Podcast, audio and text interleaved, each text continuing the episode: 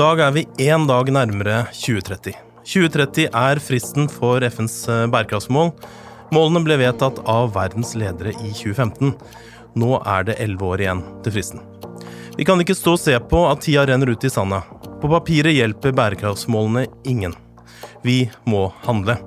I Bærekraftspodden inviterer vi derfor politikere, bedriftsledere, investorer og andre som sitter med nøklene i sin hånd. De forteller oss hvordan de hver dag konkret leverer resultater for en mer bærekraftig framtid for verdens barn. I hver episode tar vi, oss, tar vi for oss ett av de 17 bærekraftsmålene. Dagens episode skal handle om havet og livet under vann, altså bærekraftsmål nummer 14. Våre gjester er utviklingsminister Nikolai Astrup og administrerende direktør i Rederiforbundet Harald Solberg. Mitt navn er Kim Gabrielli, og jeg er assisterende generalsekretær i UNICEF Norge.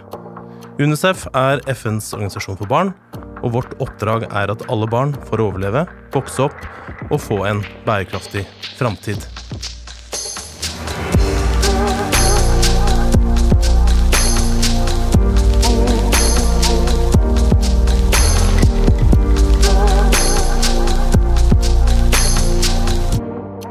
Velkommen til eh, første episode av Bærekraftspodden.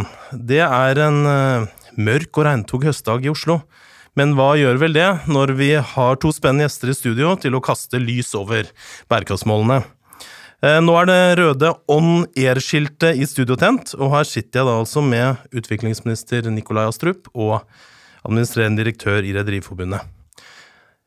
Ja, det er jo fine titler dere har. Vi eh, lurer egentlig alle sammen på, tror jeg, hvem er det egentlig som sitter i studio hos oss? Så gjerne ha en liten sånn introduksjon til uh, hvem er nå Nikolai? Uh, og kanskje litt om hvorfor du er så engasjert i bærekraft. Jeg har vært engasjert i bærekraft lenge. Og før jeg ble utviklingsminister, som jeg jo ikke har vært så veldig lenge egentlig, Eh, så satt jeg på Stortinget, og da tilbrakte jeg bl.a. seks år i energi- og miljøkomiteen. Eh, som var en, på mange måter en veldig god eh, innføring i de enorme utfordringene som verden står overfor, og som vi er nødt til å løse sammen. Før det så jobbet jeg faktisk i Oslo kommune en periode. og da, Et av de områdene jeg fulgte, var nettopp miljø og klima. Og dette er jo globale utfordringer. Eh, men de må også finne sine lokale løsninger, og alle må bidra. Og Det gjelder både myndigheter, men også, men også privat næringsliv er viktig. Frivillige organisasjoner, sivilsamfunn. Eh, dette er en felles oppgave, eh, og vi kommer ikke til å komme i mål uten at vi alle trekker lasset i samme retning. Nettopp. Og Harald Solberg i Rederiforbundet. Hvordan, hvordan ble du sjef for Rederiforbundet, og hva har det med bærekraft å gjøre?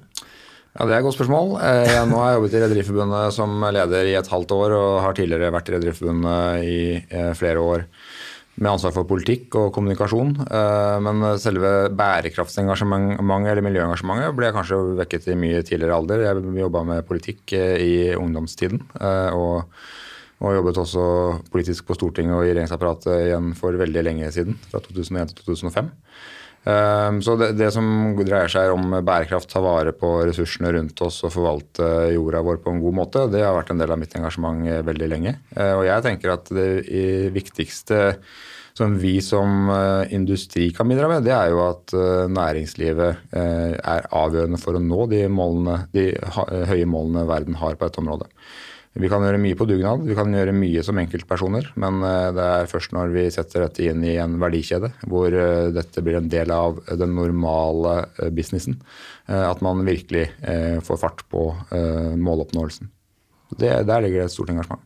Jeg hører at vi har mye å snakke om i dagens episode. Nå skal vi da, liksom for å gi lytteren litt bakgrunn, så skal jeg ta en liten runde om bærekraftsmål nummer 14. Og så går vi rett inn i diskusjonen etterpå det, og dy, altså, graver dypere i fagmaterien. Fordi målet, altså mål nummer 14 sier at menneskene skal bevare og bruke havet og marine ressurser på en måte som fremmer bærekraftig utvikling.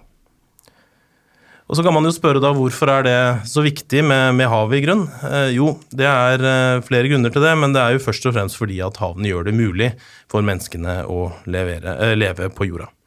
Havenes temperatur, strømninger og liv er helt avgjørende for livet på den blå planeten. Havet dekker altså 70% av kloden, og 70% av oksygenet produseres i havene. Endres tilstanden til verdenshavene, kan det derfor få katastrofale følger for menneskene. Regn, drikkevann, været, klima, maten vår og lufta vår er altså noen stikkord. Bærekraftsmål 14 har særlig fokus på bevaring av havet, både når det gjelder utslipp og forurensning, men også artsmangfold, bruk av ressurser og overfisking. Livet under vann er trua. Global shipping, fiskeindustrien og aktivitet på land er de tre viktigste grunnene til det, selvfølgelig i kombinasjon med global oppvarming. Vi skal i dagens episode konsentrere oss om global shipping, og har derfor invitert Rederiforbundet til eh, å komme. Fordi 90% av verdens transport foregår fortsatt på havene. Altså Mellom fem og seks millioner konteinere eh, er til enhver tid eh, på vei over havene.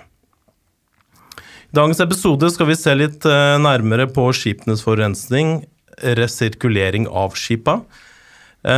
Samtidig som vi vet at global shipping og marine næringer eh, truer havet, så gir de også utfattelige muligheter. Disse næringene er avgjørende for å dekke økende behov for mat, energi og medisin i framtiden.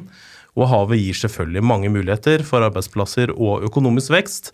Og som eh, UNCEF eh, vil si, så er jo økonomisk vekst den viktigste driveren for sosial utvikling. Det har eh, utviklingen vist oss siden 1990, og vi håper at det fortsetter å være på den måten framover. Men da har jeg lyst til å begynne med deg, Nikolai. Hva, hvorfor er egentlig havet viktig for Norge, da? Jeg tenker du, Det vil dere sikkert begge kunne svare på, men det er også, vi må starte litt, litt der. Mm. Havet er jo enormt viktig for Norge. Vi har levd eh, av og ved havet eh, til alle tider. To tredjedeler av norsk verdiskapning kommer fra havrelaterte aktiviteter. Så dette er et Vi har en, helt åpenbart en egeninteresse i at verdenshavene forvaltes på en best mulig måte. Samtidig som det jo er en kjent sak at verdenshavene har ingen grenser. Så vi klarer ikke å løse dette problemet alene, vi må løse det sammen med andre. Og Det er jo litt av bakgrunnen for at også statsminister Erna Solberg har tatt initiativ til et uh, internasjonalt høynivåpanel. Um, som da ligger under FN, hvor hun har samlet statsledere fra uh, 13 havnasjoner fra alle verdens hjørner som sammen skal eh, bidra til å eh, komme opp med løsninger og en, en, plattform for handling knyttet til bærekraftig forvaltning av marine ressurser. Eh, for det er ikke noe tvil om at som du nevnte, havet dekker 70% av planeten. Men vi får bare 2% av proteinet vi får i oss fra havet. Eh, og med en befolkningsvekst som kommer til å være stor også fremover, kanskje blir vi 10-11 milliarder mennesker i 2050 allerede, så kommer vi til å måtte belage oss enda mer på havet som en kilde til mat. I tillegg så ligger det et kjempepotensial, hvis vi forvalter ressursene riktig, til at havet også kan skape flere jobber. Eh, bidra med energi, medisiner eh, og i det hele tatt ressurser som menneskeheten trenger. Men forutsetning for det er jo at vi forvalter havene på en helt annen måte enn det vi har gjort frem til nå. Eh, rovfiske er et kjempeproblem. Eh, overfiske, illegal fiske, rett og slett slett forvaltning av marine ressurser. Eh, klimaendringene bidrar også til at marine ressurser forsvinner. Rett og slett fordi at surhetsgraden i havet blir for høy. Korallrev bukker under som en følge av det. Så det er en sammensatt problemstilling, og den må løses på mange måter. Ehm, det er ikke én quick fix, eh, men det må jobbes fra flere ulike, ulike vinkler eh, for å, for å, oppnå resultater. Men er, eh, en av de tingene jeg er veldig bekymret for også, knyttet til det, er plastforurensning i havet. Det er åtte millioner tonn med plast som går ut i havet hvert eneste år. Det forsvinner aldri. Det blir til mikroplast som tas opp av det marine økosystemet. Og det eh, gjør at eh, fisken spiser mikroplast, og, og, mikroplasten ender da opp på vårt middagsbord, og vi spiser eh, mikroplast, vi også. Så nå har man jo funnet også i, på norskekysten eh, mikroplast i blåskjell eh, langs hele kysten. Så dette er ikke noe vi er forskånet fra. Dette problemet er her nå.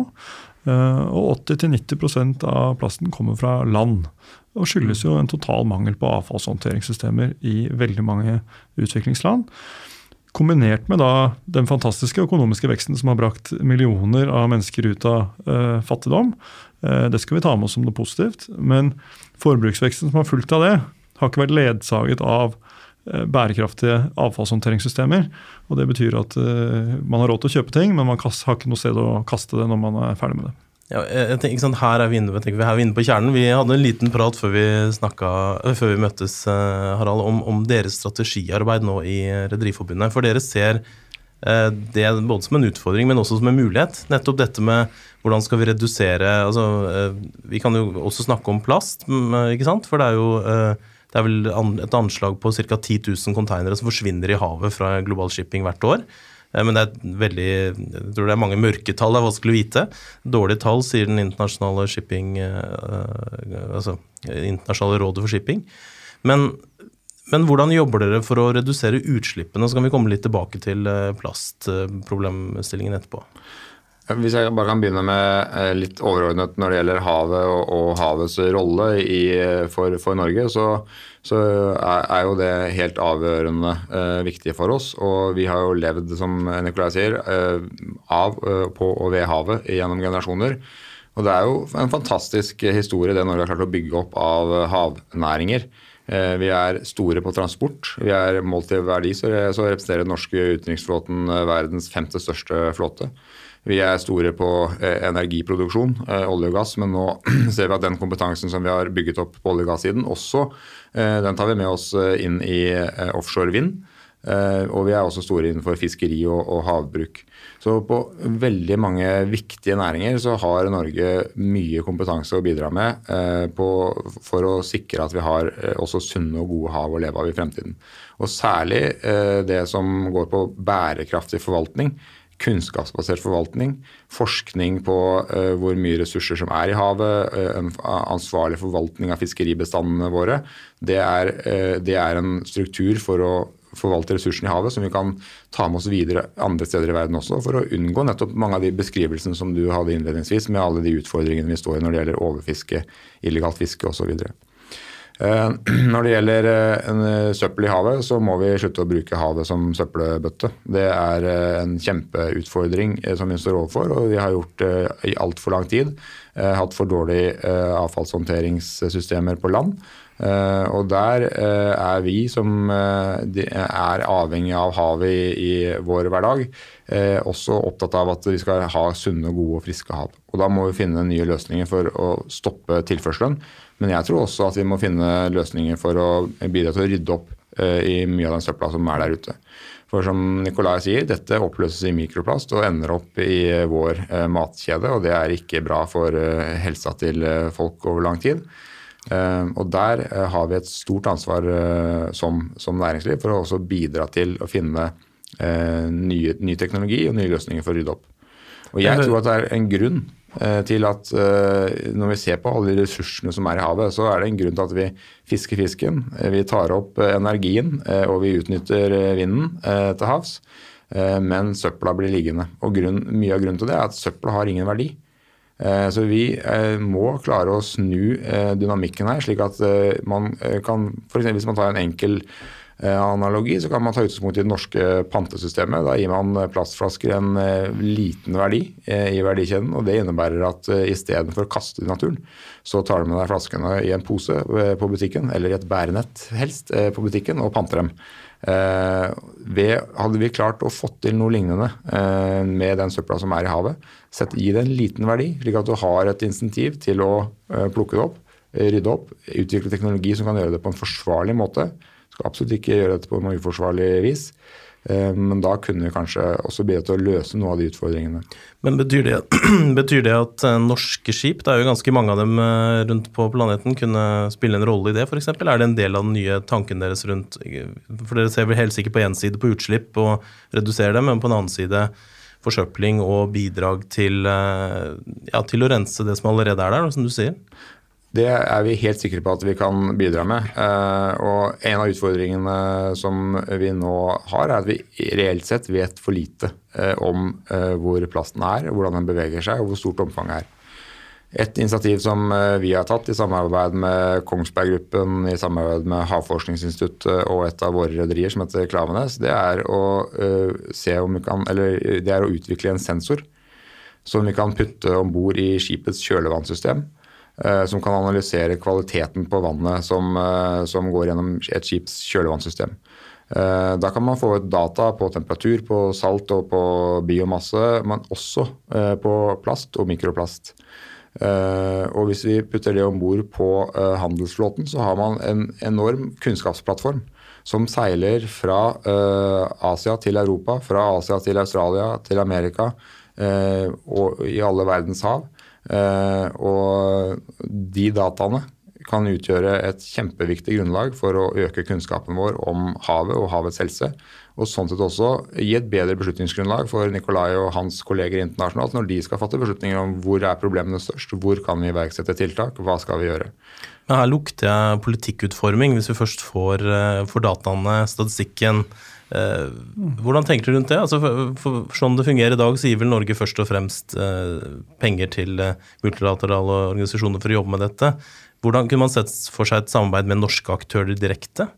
Eh, altså Foreløpig har du jo Nå har vel eh, regjeringen da økt ganske kraftig på, for næringsliv på neste års statsbudsjett, så det er jo en god start. hvordan tenker dere rundt det? Nei, jeg tenker at Næringslivet har enormt mye å bidra med. og En av de tingene vi har støttet, helt konkret, er jo eh, UN Global Compact, som er en, eh, en, plattform for selskaper der de møtes for å diskutere nettopp hvordan de kan bidra med konkrete løsninger på noen av verdens største utfordringer. Eh, og Det er en eget, egen plattform for de maritime næringene, hvor Norge er godt representert. Ikke fordi at Utenriksdepartementet støtter plattformen, men rett og slett fordi Norge representerer en så stor del av den si, maritime klyngen i verden eh, at vi har mye å bidra med. Eh, og det jeg opplever der, dette kan sikkert Harald si mer om, men jeg har vært på, jeg var bl.a. på det første møtet de hadde i New York i juni, det er jo et, et enormt engasjement for å bidra, og at flere selskaper ser også at det ligger muligheter forretningsmuligheter i å være med å løse eh, globale utfordringer. Og da har vi kommet et veldig langt eh, stykke på vei. Fordi eh, når det da er lønnsomt å tenke grønt, så, så starter en snøball å rulle som ikke lar seg stanse. Så, så, vi er opptatt av å støtte opp under den type uh, initiativ som kommer fra næringslivet. Vi er opptatt av å få næringslivet involvert. fordi altså la oss være ærlige, vi kommer ikke til å nå bærekraftsmålene ved hjelp av bistand. Eh, vi trenger både teknologien eh, og innovasjonsevnen og kapitalen som privat sektor representerer. Vi trenger selvfølgelig at hvert enkelt land tar et eierskap til de utfordringene vi står overfor. Eh, men det er utrolig viktig å få næringslivet om bord. fordi jeg sitter jo ikke på teknologien i Utenriksdepartementet, det er jo helt åpenbart for alle.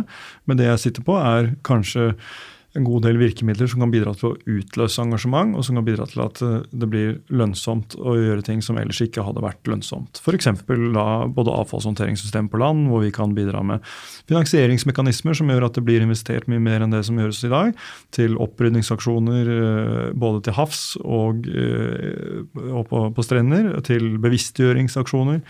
Ehm, alt dette er kjempeviktig. Eh, og jeg hadde rett før jeg kom hit et møte med en liten eh, tech-startup som heter Empower. Eh, som jo jobber med å nettopp gi plass til den lille verdien. Ved at de altså betaler ut via blockchain-teknologi penger til folk som da har samlet sammen flasker eller plastsøppel og kan levere det inn og da få utbetalt penger. Og det er ikke mye, men i en del utviklingsland så vil dette være et veldig effektivt tiltak for å få ryddet en del elver og eh, strender og sånn, eh, og gater og, og andre, andre, ting. Så vi må tenke både det store og det lille, og det handelsflåten kan bidra med, med f.eks. denne sensorteknologien, er veldig spennende. fordi det kan gi oss data som gjør at vi kan ta mye mer informerte beslutninger om hvor vi må sette inn innsatsen, hvor ille tilstanden er, og eventuelt da hva vi kan gjøre med det. For Det er jo akkurat denne type mm, initiativ eller tanker som vi, vi prøver å samle på i Bærekraftspodden. fordi det blir jo veldig ofte internasjonale reguleringer, eh, nasjonale reguleringer. Men hvis de ikke fungerer eller blir satt ut i livet, så hjelper det jo ikke barna, som vi er opptatt av selvfølgelig i eh, UNICEF. Eh, det blir fortsatt plast i fisken, det blir fortsatt eh, då, altså, mer klimautslipp.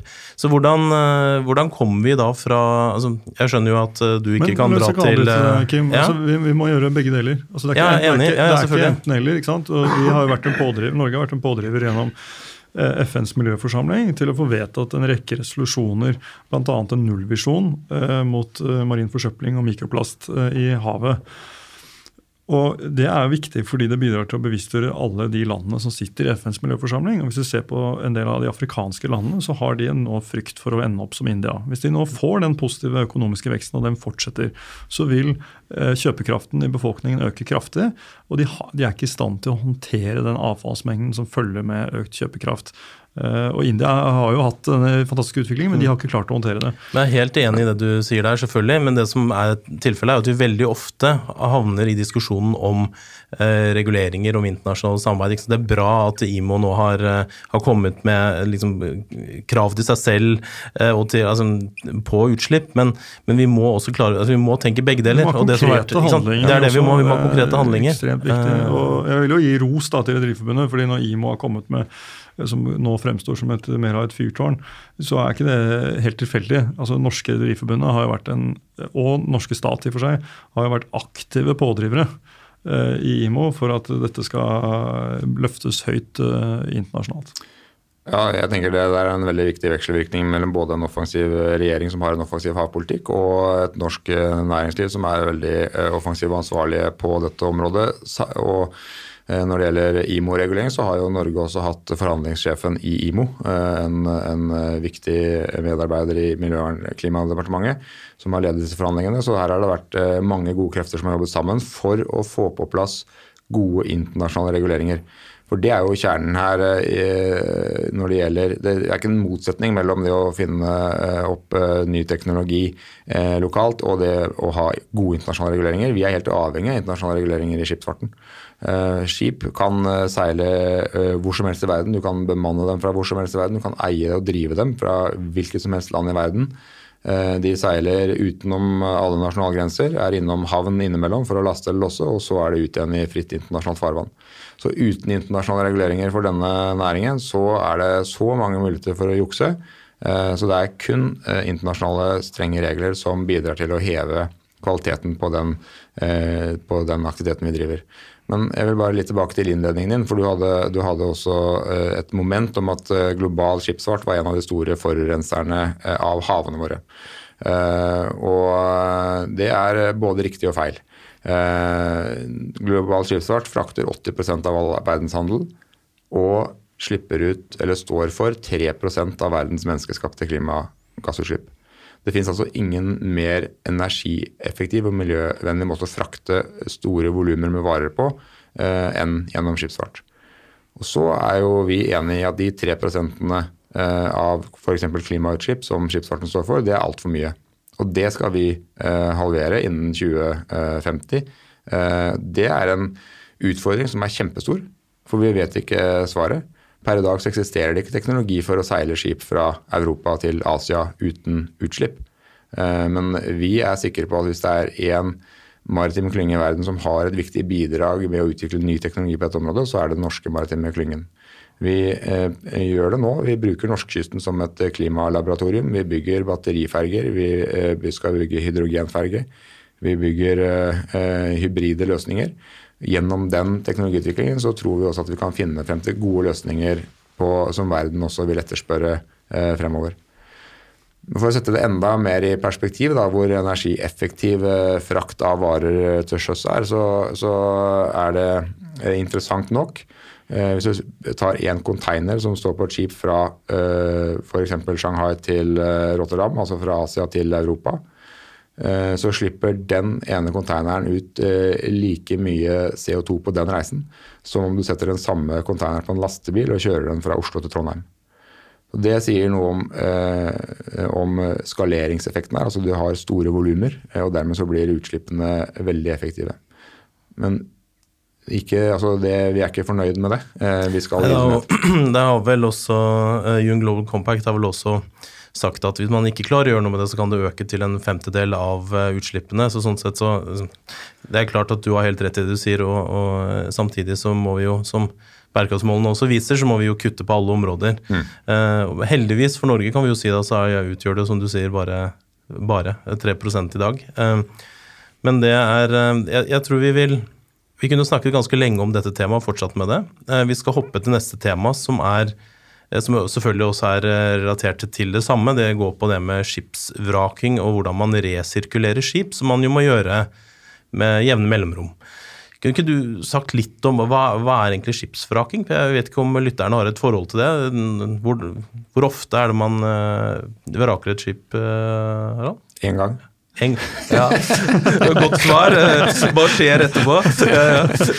Nei, altså, Skipsopphugging er jo, eller skipsresirkulering, som det i realiteten er, da, det er jo eh, en viktig del av vår industri. Det er jo slutten av skips levetid.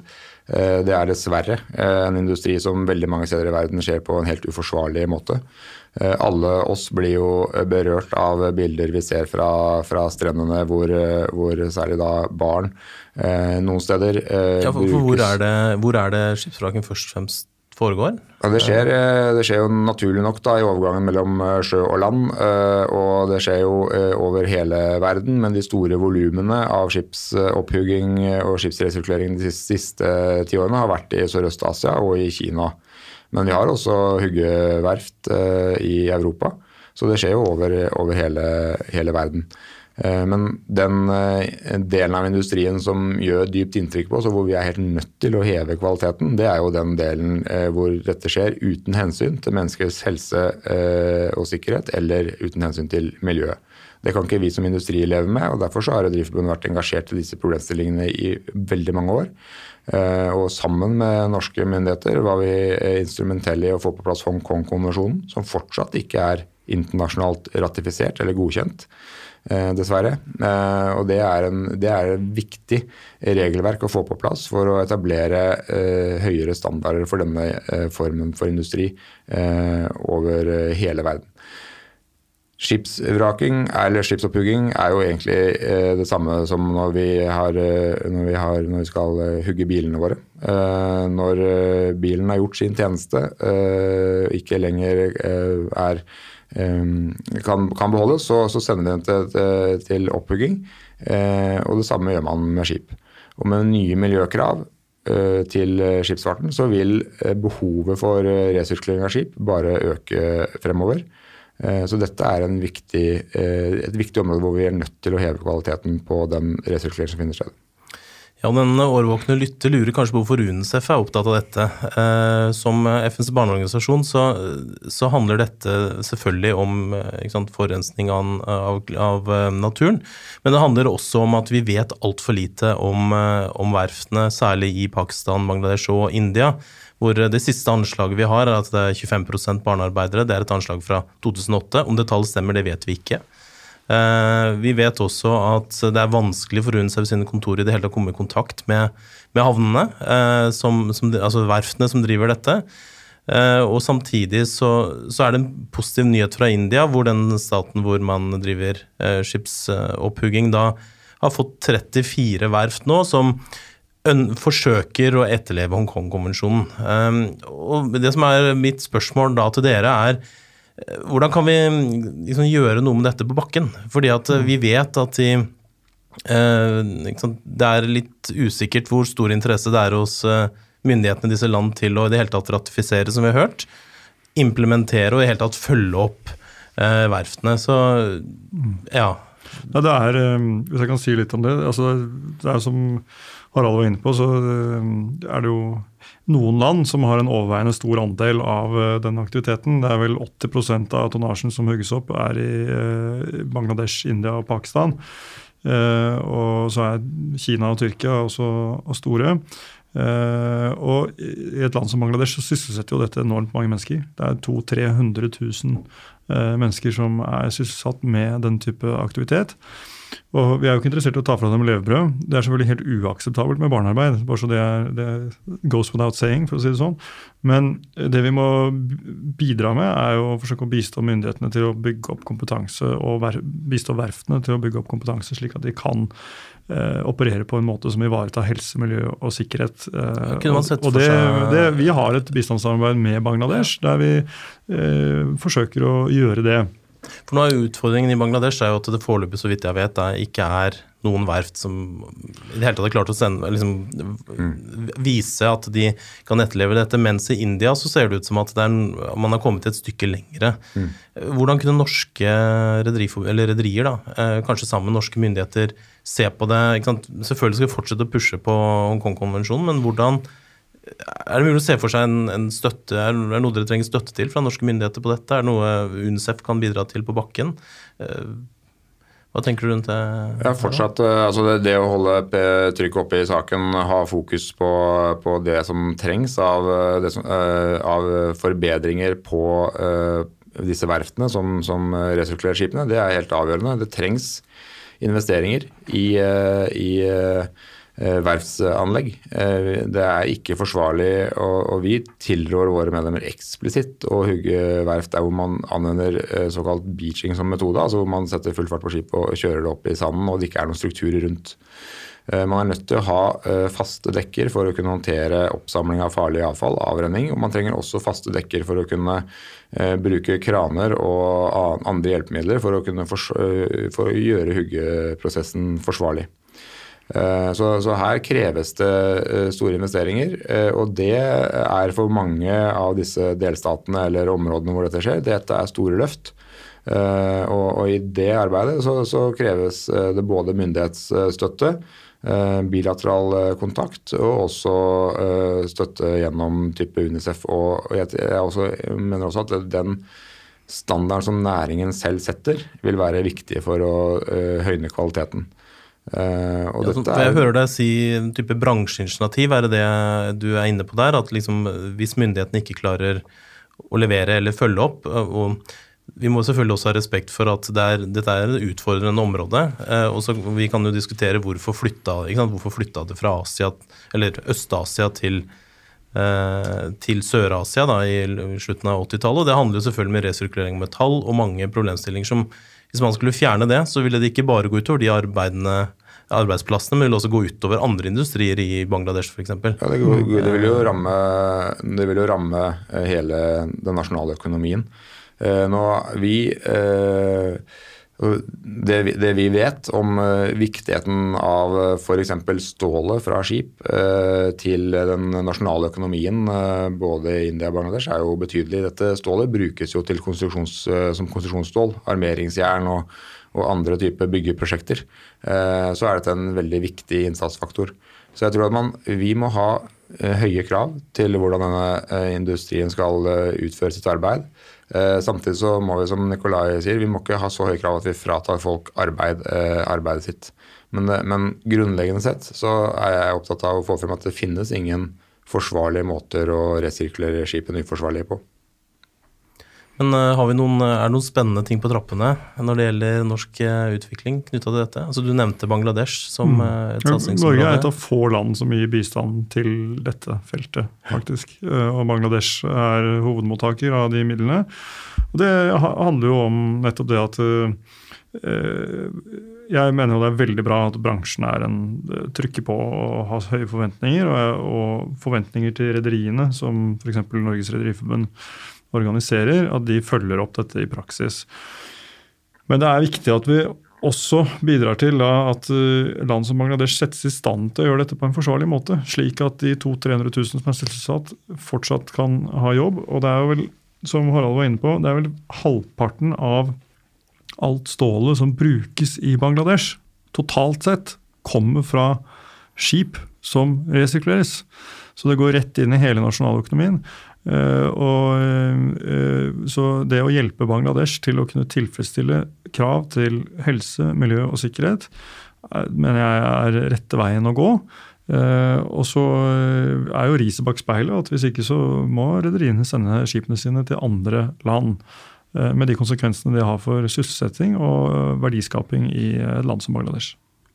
Men hvordan er det med fordi altså Det er vel ikke så mange norske eh, rederier som nå direkte eh, altså driver med skipsopphugging i Bangladesh, eh, vil jeg tro. Eh, som et eksempel. Men eh, det som vanligvis skjer, er at rederiene selger til, skipet til et annet selskap, som så kjører det opp på stranden.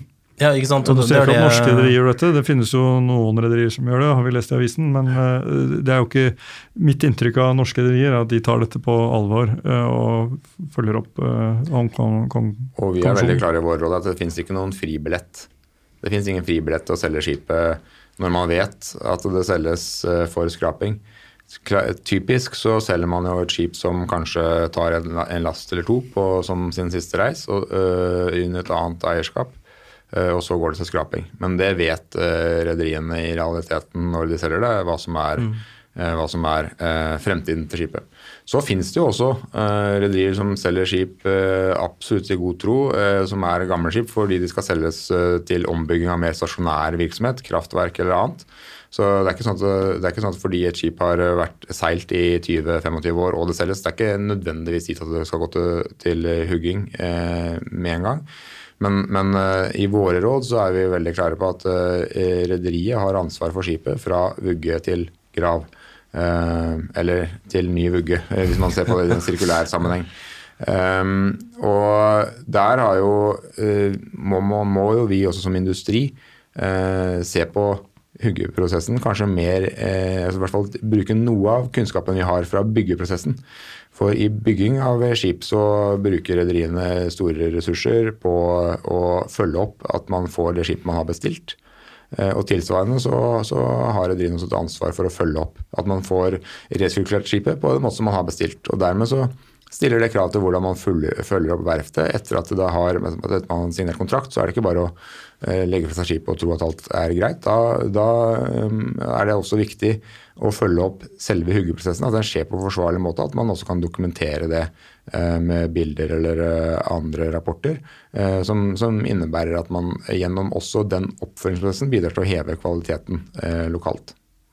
Så jeg tenker Her er vi jo inne på liksom, spørsmålet om har, har man ansvar for verdikjeden utover liksom, det neste. Og det hører jeg jo at Rederiforbundet har vært veldig tydelig på veldig lenge. Men da kommer altså, Sirkelen er på en måte slutta. Da. Vi kommer tilbake der vi begynte med at vi må ha ikke sant, internasjonale konvensjoner og reguleringer og, og nasjonale reguleringer, samtidig som vi da må vite liksom, hva er det som foregår. Eh, hvordan, få, altså, hvordan kan man gjøre noe med det når man da ikke følger de sterke rådene som kommer. og det kan vi sikkert eh, snakke mer om i en eh, annen podkast. Til slutt så har jeg lyst til å, å stille dere et, eh, et mer generelt spørsmål. fordi eh, UNCEF vi anslår at ca. 1 milliard barn er berørt av internasjonale verdikjeder eh, gjennom gjennom enten direkte, altså barnearbeid og tilsvarende, eller at de har arbeidende foreldre. Det er jo veldig mange eh, arbeidende foreldre som sliter med arbeidsvilkårene eller mister jobben, for den sakens skyld. Og det har jo da en direkte konsekvens for, eh, for, eh, for, ja, for barna. Og Derfor så er vi interessert i eh, hvordan kan vi videreutvikle bærekraftsmodeller i norsk utenrikspolitikk. Og Da ser vi på én side på, på liksom det, som er farlig for barna, som påvirker barna, men selvfølgelig så er det også noe i vårt programarbeid så, så trenger vi jo støtte fra, fra ulike aktører. For så har jo Rederiforbundet eh, leverer jo eh, gods og flytter på folk i forbindelse med kriser i samarbeid med FNs eh, matvareprogram. Så jeg vil gjerne invitere til den siste, siste tanke og diskusjon rundt nye bærekraftsmodeller i norsk utenrikspolitikk, hvis dere har noen eh, ting å komme med. Ja, det var jo et veldig lite tema du tok opp helt på tampen. Selvfølgelig. men men eh, altså, jeg, jeg tror jo, hvis vi starter med det grunnleggende, så er jo utdanning eh, for barn eh, noe av det aller, aller viktigste vi kan satse på. I dag er det fortsatt 263 millioner barn som ikke får mulighet til å gå på skole. Og vi vet at veldig mange av de som går på skole, ikke lærer noe på skolen. Og det betyr at de er veldig dårlig rustet til å møte de uh, utfordringene som de kommer til å stå overfor, og til å ta vare på seg selv uh, og sin uh, fremtidige familie. og til å realisere sine drømmer. Så det er, det er avgjørende. Helse er også et utrolig viktig grunnlag. En annen stor viktig prioritering i norsk utviklingspolitikk. Eh, og vi vet at det er, eh, det er nesten seks millioner eh, mødre, barn og ungdommer som dør hvert eneste år som en følge av sykdommer som kunne vært unngått. Det er fortsatt altfor mange barn som ikke opplever å fylle fem år. Så dette er noen sånne grunnleggende ting som må være på plass for å, få, for å oppnå langsiktig positiv utvikling i et land. Uh, og, uh, og, som spiller inn i det jeg kanskje oppfatter spørsmålet ditt uh, som å være. Liksom, hvordan kan vi få på plass nye modeller, kanskje også med næringsliv og sivilsamfunnsorganisasjoner, som kan bidra til å forhindre den type skjebner som du reiser i, i ditt, ditt, spørsmål. Og jeg tenker jo at vi, vi, er ganske innovative på dette området. Vi prøver å Eh, danne nye allianser, eh, tenke nytt om partnerskap. Jeg pleier å si at det aller viktigste målet eh, i, blant de 17 bærekraftsmålene er egentlig partnerskap. For uten partnerskap så, og nye partnerskap, så, så, vil vi ikke klare å løse de 16 andre målene. Og Derfor er jeg jo veldig glad for det samarbeidet vi f.eks. har med den maritime næringen gjennom Global Compact. Det er et eksempel på en nyvinning som bringer Eh, næringene mye tettere på i prosessen med å nå bærekraftsmålene. Og det, jeg pleier også å si at de, de eh, som fremtiden tilhører de som tør å ligge foran. Eh, og da tenker jeg på selskaper, altså. og det er de som ser på en måte at de har en, en åpenbar også egeninteresse i å bidra til å løse globale utfordringer. Det er de som kommer til å vinne frem på, på lang, lang sikt. Og det er interessant når du snakker med et selskap som Yara, Eh, som sier at de har veldig liten del av omsetningen sin i Afrika i dag. Men de satser veldig tungt, fordi de ser jo at dette kommer til å være fremtiden. Og samtidig engasjerer de seg langt utover sin kjernevirksomhet eh, med hele verdikjeden knyttet til mat. Eh, fordi det er viktig for dem som selskap, men også fordi at de har en visjon som, som selskap om at de skal bidra til bærekraftig matforsyning til verdens befolkning. Og da er det, liksom, det, er det de satser på. Jeg, jeg, er helt enig med Nikolai det som vi gjør i uh, UN Global Compact, det er jo uh, helt avgjørende viktig for å, å, bringe næringene, altså bedriftene, inn i, i bærekraftsmålene og se mulighetene der hvor man veldig lett bare ser utfordringer og problemer. Uh, og Det bygger opp under bærekraftsmål 17, som går på, på samarbeid. Uh, og jeg er også enig med Nikolai i fokuset på utdanning og helse, men jeg vil også bringe inn en tredje faktor som jeg tror også er viktig i et utviklingsperspektiv, og det er jo det som går på handel. Handel er jo det som skaper grunnlaget for arbeidsplasser over hele verden. Du kan produsere varer som ligger godt til rette for at du produserer ett sted i verden. Du kan selge det på et verdensmarked. Og, og, sånn sett så er det helt avgjørende for å skape arbeidsplasser. Og så må vi også samarbeide for at det skal være gode og forsvarlige lønns- og arbeidsvilkår eh, som ligger til grunn. Eh, og det vil være avgjørende også for, også for barna. Eh, så jeg tenker at det er kanskje noe av det aller viktigste prioriteringen fremover også. At vi har en sikkerhet for at man kan utveksle varene på, på et verdensmarked. Og da er handelspolitikken også viktig. Mm. Når det gjelder de konkrete prosjektene som Rederiforbundet har, så er jo det bl.a. da, som du nevnte, en avtale med World Food Program om transport av eh, varer i krisesituasjoner. Vi har en flåte på 1800 skip eh, som seiler over hele verden til enhver tid, og som har vært brukt ved en rekke anledninger i krigs- eller krisesituasjoner til enten å frakte varer, nødhjelp inn til eh, krigsområder, eller å frakte folk ut av kriseområder.